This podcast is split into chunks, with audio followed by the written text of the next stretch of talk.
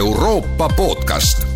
saade valmib koostöös Euroopa raadiote võrgustikuga Euronet pluss, mõista Euroopat paremini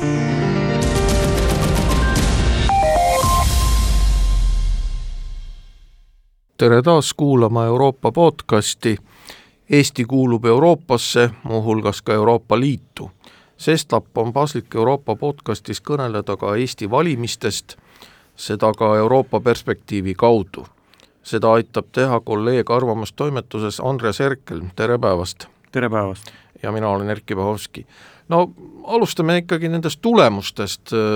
Reformierakond kolmkümmend seitse mandaati Riigikogus sina kui endine ja kogenud poliitik ja ka poliitika vaatleja, see kohtade arv on ikkagi väga suur ja tegelikult Kaja Kallas ju ise tunnistas ju ka hilisõhtul, valimiste hilisõhtul ETV-le, et, et, et, ega ka tema sellist tulemust ei oodanud no poliitikas on, kipub olema niiviisi, et kui mingisugune selline suundumus realiseerub päriselt, siis ta realiseerub tugevama jõuga, kui äh, alguses arvatud. ehk kui Reformierakonna valimisvõit ilmselt oli ennustatav ja kahtlusi külvasid selles osas äh, ainult küsitlustulemused, mis hiljem selgus, ei olnud kuigi täpsed et EKRE on astumas kandadele, siis äh, lõpuks see võit osutus suuremaks, kui ilmselt Reformierakond isegi oskas oodata. ja mul on küll selline tunnetus, et äh, need valimised suurel määral kujutasid endast ikkagi usaldushääletust äh, Eesti poliitikale, sealhulgas väga selgelt julgeoleku- ja välispoliitikale olukorras, kus Venemaa peab Ukrainas agressioonisõda? no see Ukraina sõda oli kindlasti oluline kontekst ja kas võib ka öelda niimoodi, et EKRE ebaedu äh, tulenes sellest, et äh, nad ikkagi tegid valearvestuse, et nad üritasid äh, ärgitada ja ässitada seda viha Ukraina põgenike vastu, noh nii, nagu mis neil õnnestus ju enam-vähem äh, Lähis-Ida põgenike vastu Euroopa põgenikekriisi ajal kahe tuhande viieteistkümnendal, kuueteistkümnendal aastal, aga, aga see pilt ju ikkagi oli hoopis teistsugune mina ei tea, kas EKRE teeb valearvestusi, minu arvates on EKRE-l ees üks vale šabloon poliitika tegemise kohta. ja see sarnaneb äh, mõnel määral kindlasti sellele, mida Donald Trump tegi Ühendriikides, mõnel määral võib-olla, võib-olla ka sellele, mida Orban teeb Ungaris, kuigi see paralleel võib-olla natukene kontekstidest välja, välja kistuda, aga, aga see on ikkagi niisugune väga teravatel vastandustel, ambivalentsetel sõnumitel põhineva poliitika šabloon, kus omal kohal on ka valimiskaotuse mittetunnistamine, väga kohati räiged rünnakud oponentide vastu ja mitte kõige parem haakumine selle demokraatliku süsteemiga, mis meil on. ja tundus küll niiviisi valimisöösel, kui Martin Helme tegi oma esimesi avaldusi ja järjekordselt hüppas siis sellele ammugi kulunud ja tegelikult ka ümber lükatud plaadile, et e-valimised äh, ei ole ausad Eesti e-valimised on usaldusväärsed, siis ta näitas koheselt seda, et ta ei oska ka oodatust kehvema tulemuse korral selles öö, oma öö, EKRE šabloonist välja astuda. No Ukraina sõda näitas ju ka teistpidi üllatavaid tulemusi ja seda ebameeldivas mõttes, kui me mõtleme Ida-Virumaal. äh, häälte arvule, mis läksid siis Mihhail Stalnuhhinile ja Aivo Petersonile, eriti viimane olnud ju selgelt Kremli-meelne inimene ja ta on ju tegelikult ka saanud Moskvast raha, et külastada Donbassi ja nüüd paradoksaalselt hakkab siis Ühendatud Rahvapartei saama ka raha Eesti riigilt, sest nad said üle kahe protsendi häälete et noh, see on, see on paradoks ja õigusriik, õigusriigina peab Eesti seda raha maksma, aga teine ja suurem küsimus on ikkagi see, et et mida siis nagu Ida-Virumaa kodanikega teha, et, et nad ei elaks Vene inforuumis ja, ja kuidas seda probleemi ei saa ju ignoreerida, sellest ei saa ju mööda vaadata sellest ei saa kindlasti mööda vaadata, no siin on tegelikult väga palju neid asjaolusid, see, et äh, Mihhail Stalnuhhin üksikkandidaadina mm, saavutab päris suurt edu ja võtab olulisel määral ära Keskerakonnalt äh, hääli, äh, see oli etteennustatav ja see oli tegelikult näha. võib-olla Aivo Petersoni niisugust rolli ja mm, võimet äh, neid valijaid mobiliseerida mingite oma Donbassis käikude ja sellega seotud sõnumitega me üldiselt alahindasime ja ei, ei näinud päriselt seda potentsiaali, mis sealt tuli.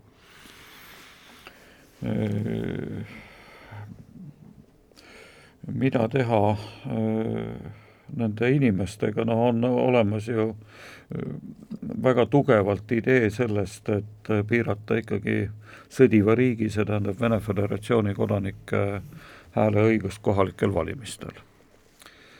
aga kui reaalse see on, ma mõtlen, see on põhiseadusega vastuolus. kohalikel valimistel, juhin tähelepanu, neid valijaid Ida-Virumaal on rohkem kui äsjastel Riigikogu valimistel. Tallinna linnas samamoodi. siin on tõepoolest põhiseaduslik probleem ja ma ei ole siin selles positsioonis, et, et öelda kas see lahendus osutub õiguspäraseks või mitte, pigem mulle tundub, et on siin päris tugevaid argumente ka selle vastu, mis tähendab seda, et selles puhkeb igal juhul vaidlus, minu arvates, mida Eesti peaks niisugusel juhul tegema, peaks ikkagi väga tõsiselt tegelema nende isikutega selles piirkonnas, kes äh, ei ole Eesti riigile lojaalsed ja kes potentsiaalselt äh, kujutavad endast ohtu, et nende inimestega tuleb äh, vast tegeleda ükshaaval kuni, kuni äh, selleni välja, et kaaluda mingisuguseid mehhanisme ka üksikotsustuste alusel kodakondsuse või hääletamisõiguse äravõtmiseks. No koalitsioonikõnelused, vähemalt sissejuhatus nendele on tehtud, täna, teisipäeval, seitsmendal märtsil siis ka peaminister Kaja Kallas ütles, et Reformierakond alustab koalitsioonikõnelusi Eesti kahesaja ja sotsiaaldemokraatidega, noh, selles mõttes tundub ju loogiline, et Eesti kakssada oli nende valimiste üks suurimaid võitjaid, nullist said nad neliteist mandaati Riigikogus ja noh, sotsiaaldemokraadid nagu põhimõtteliselt säilitasid oma positsiooni, et et et äh, see poliitiline loogika, et äh, vali-, äh, võitjad teevad valitsuse, on toimiv, aga kindlasti on seal ka karis ja, ja, ja noh, muidugi üks asi, millest on ju kogu aeg räägitud, on see, et Eesti kakssada on ikkagi poliitikas uustulnuk ja ja, ja kas ta saab hakkama sellega, et olla Reformierakonnale kor-, korralik partner valitsuses no seda me kindlasti saame näha, Eesti kahesajas siiski on ka valitsuskogemusega inimesi vähemalt üks. ja, ja ma siiski eeldan, et nad oskavad neid karisid mõnevõrra ka ette näha. milles on probleem, probleem on selles, et Eesti kakssada ja Reformierakond tegelikult on, on oma profiililt küllaltki lähedased erakonnad, mistõttu võib eeldada ka seda, et ega Reformierakonnale nii väga ei meeldi, et äh, nii-öelda nende äh, nišis on üks konkurent veel, kes võib mingil hetkel hakata ka võimsalt äh, veelgi enam kasvama ja oma toetuspinda veel enam laiendama ja seda just Reformierakonna arvelt, et see on üks niisugune loog-, loogika poliitikas, mis ütleb, et maailmavaateliselt lähedased erakonnad, kes justkui võiksid mingeid probleeme koos edukalt lahendada, võivad olla samal ajal teineteise kõige noh, otsesemad konkurendid. Et nad võistlevad samade või, valijate häälte pärast. sellepärast, et nad võitlevad samade valijate häälte pärast, nii et äh, ses mõttes see, mis paistab lihtne, ei pruugi lihtne olla tegelikult. Ja kui ma lugesin täna, et Isamaa esimees juba teadis ka, tegi ka avalduse, et see koalitsioon neli aastat kindlasti koos ei püsi, noh see avaldus oli selles mõttes lahtisest uksest sisse murdmine, et tegelikult polegi Eestis olnud valitsusi, mis oleksid kogu valimisperioodi erilisi prohvit-, prohvetivõimed ei ole vaja. erilisi prohvetivõimed ei ole vaja, et pigem, pigem imeline oleks see, kui kui juhtuks nii, et läheb vastupidi, et eks me saame näha, aga mulle tundub, et kui äh, Reformierakond tahab äh, mingeid oma poliitikaid ellu viia kohe valitsemis, selle valitsemisperioodi alguses, siis on kindlasti mõistlik seda koostööd alustada Eesti kahesajaga, sest see võimaldab mingites olulistes asjades kokkuleppele jõuda ja need siis ka ära teha seda ennustust ei julge ka mina anda, kui, kui kaua see koalitsioon täpselt koos püsib. ja ma ütleksin siinjuures siiski ka seda, mis tegelikult oli ka küsimuses, et tõepoolest niisugune tunnetuslik valijate ootus kindlasti oli selle peale, et see koalitsioon tuleb, sisaldab Eesti kahtesadat, et kuidagi läks jah nii, et kaotasid tegelikult äh, ju eeskätt ka need erakonnad, kes üldse olid äh, olnud äh, EKRE-ga ühes valitsuses, kelle puhul võis eeldada, et nad võivad ka sellisesse valitsuskoalitsiooni minna, nii et see mm, see EKRE tegur ilmselt valimistel oli ikkagi äärmiselt suure mõjuga ja ja viis mingil kombel hääli ära ka tegelikult Isamaa valijatelt. Keskerakond on muidugi erijuhtum, et äh, Keskerakonna, juba Stalnuhhinist rääkisime ja valijaskonna eripärast tulenevalt äh, no kümme kohta kaotas no, Riigikogus. jaa, kümme kohta kaotas küll, aga see, see kümme kohta oli minu arvates ka siiski juba ennustatav tegelikult selle sõjaga, mis aasta tagasi pihta hakkas, äh, sest sellel hetkel ka mm, Keskerakond oli noh, ütleme niimoodi, Edgar Savisaare ajal oli tegemist võimsa erakonnaga, aga Edgar Savisaare õnn poliitikas oli see, et sel ajal, kui tema poliitikas oli, ei tunginud Vladimir Putin Ukrainasse sellisel kujul. jaa, kahtlemata, mis sa ütled selle kohta, et Reformierakond tahab valitsuse, valitsuses portfelle jaotada ebavõrdselt ja võtta endale nagu lõviosa portfelle ja siis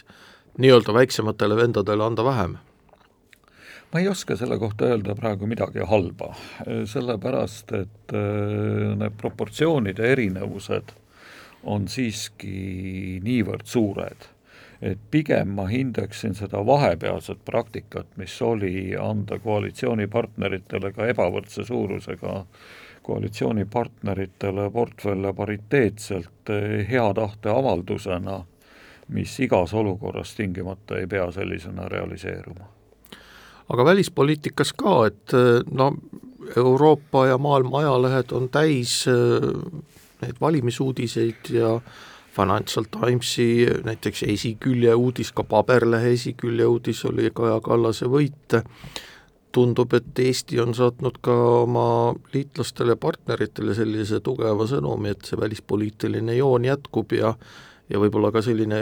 väike kergendus ukrainlastele, et ukrainlased ei kaotanud äh, Euroopas ühte oma suurimat toetajat no kindlasti. Ja noh, see, selle koha peal saab öelda ainult seda, et väljaspoolt paistab asi ju mustvalgemana, kui ta, kui ta mingite poliitiliste vastuolude ja nüanssidena no meile on, endale samamoodi paistavad need välis, mingi muu välisriigi valimised. ja, ja, ja niimoodi on. Ja paistab siiski, et ka Eesti valijatele, nagu eespool öeldud, et see oli ikkagi usaldushääletus Ukraina toetamise poliitika osas. Ja võib-olla ei tehtud valikut isegi mitte niivõrd Reformierakonna ühiskonna kasuks, kuivõrd ikkagi poliitika selle poole vastu, kes on Ukraina küsimuses olnud ambivalentne. Ja loomulikult see sõnum kõlab ka väljaspool Eestit ja ma arvan, et on tegelikult meie regioonile selles mõttes julgustav, et äh, mingisugused Kremli trollimised, mingisugused gaasikraanide kinnipigistamised, energiarelvad, et äh, need asjad siiski väärikate riikide sisepoliitikat ei mõjuta või isegi kui mõjutavad, äh, siis nii-öelda Kremli soovitule vastupidises suunas.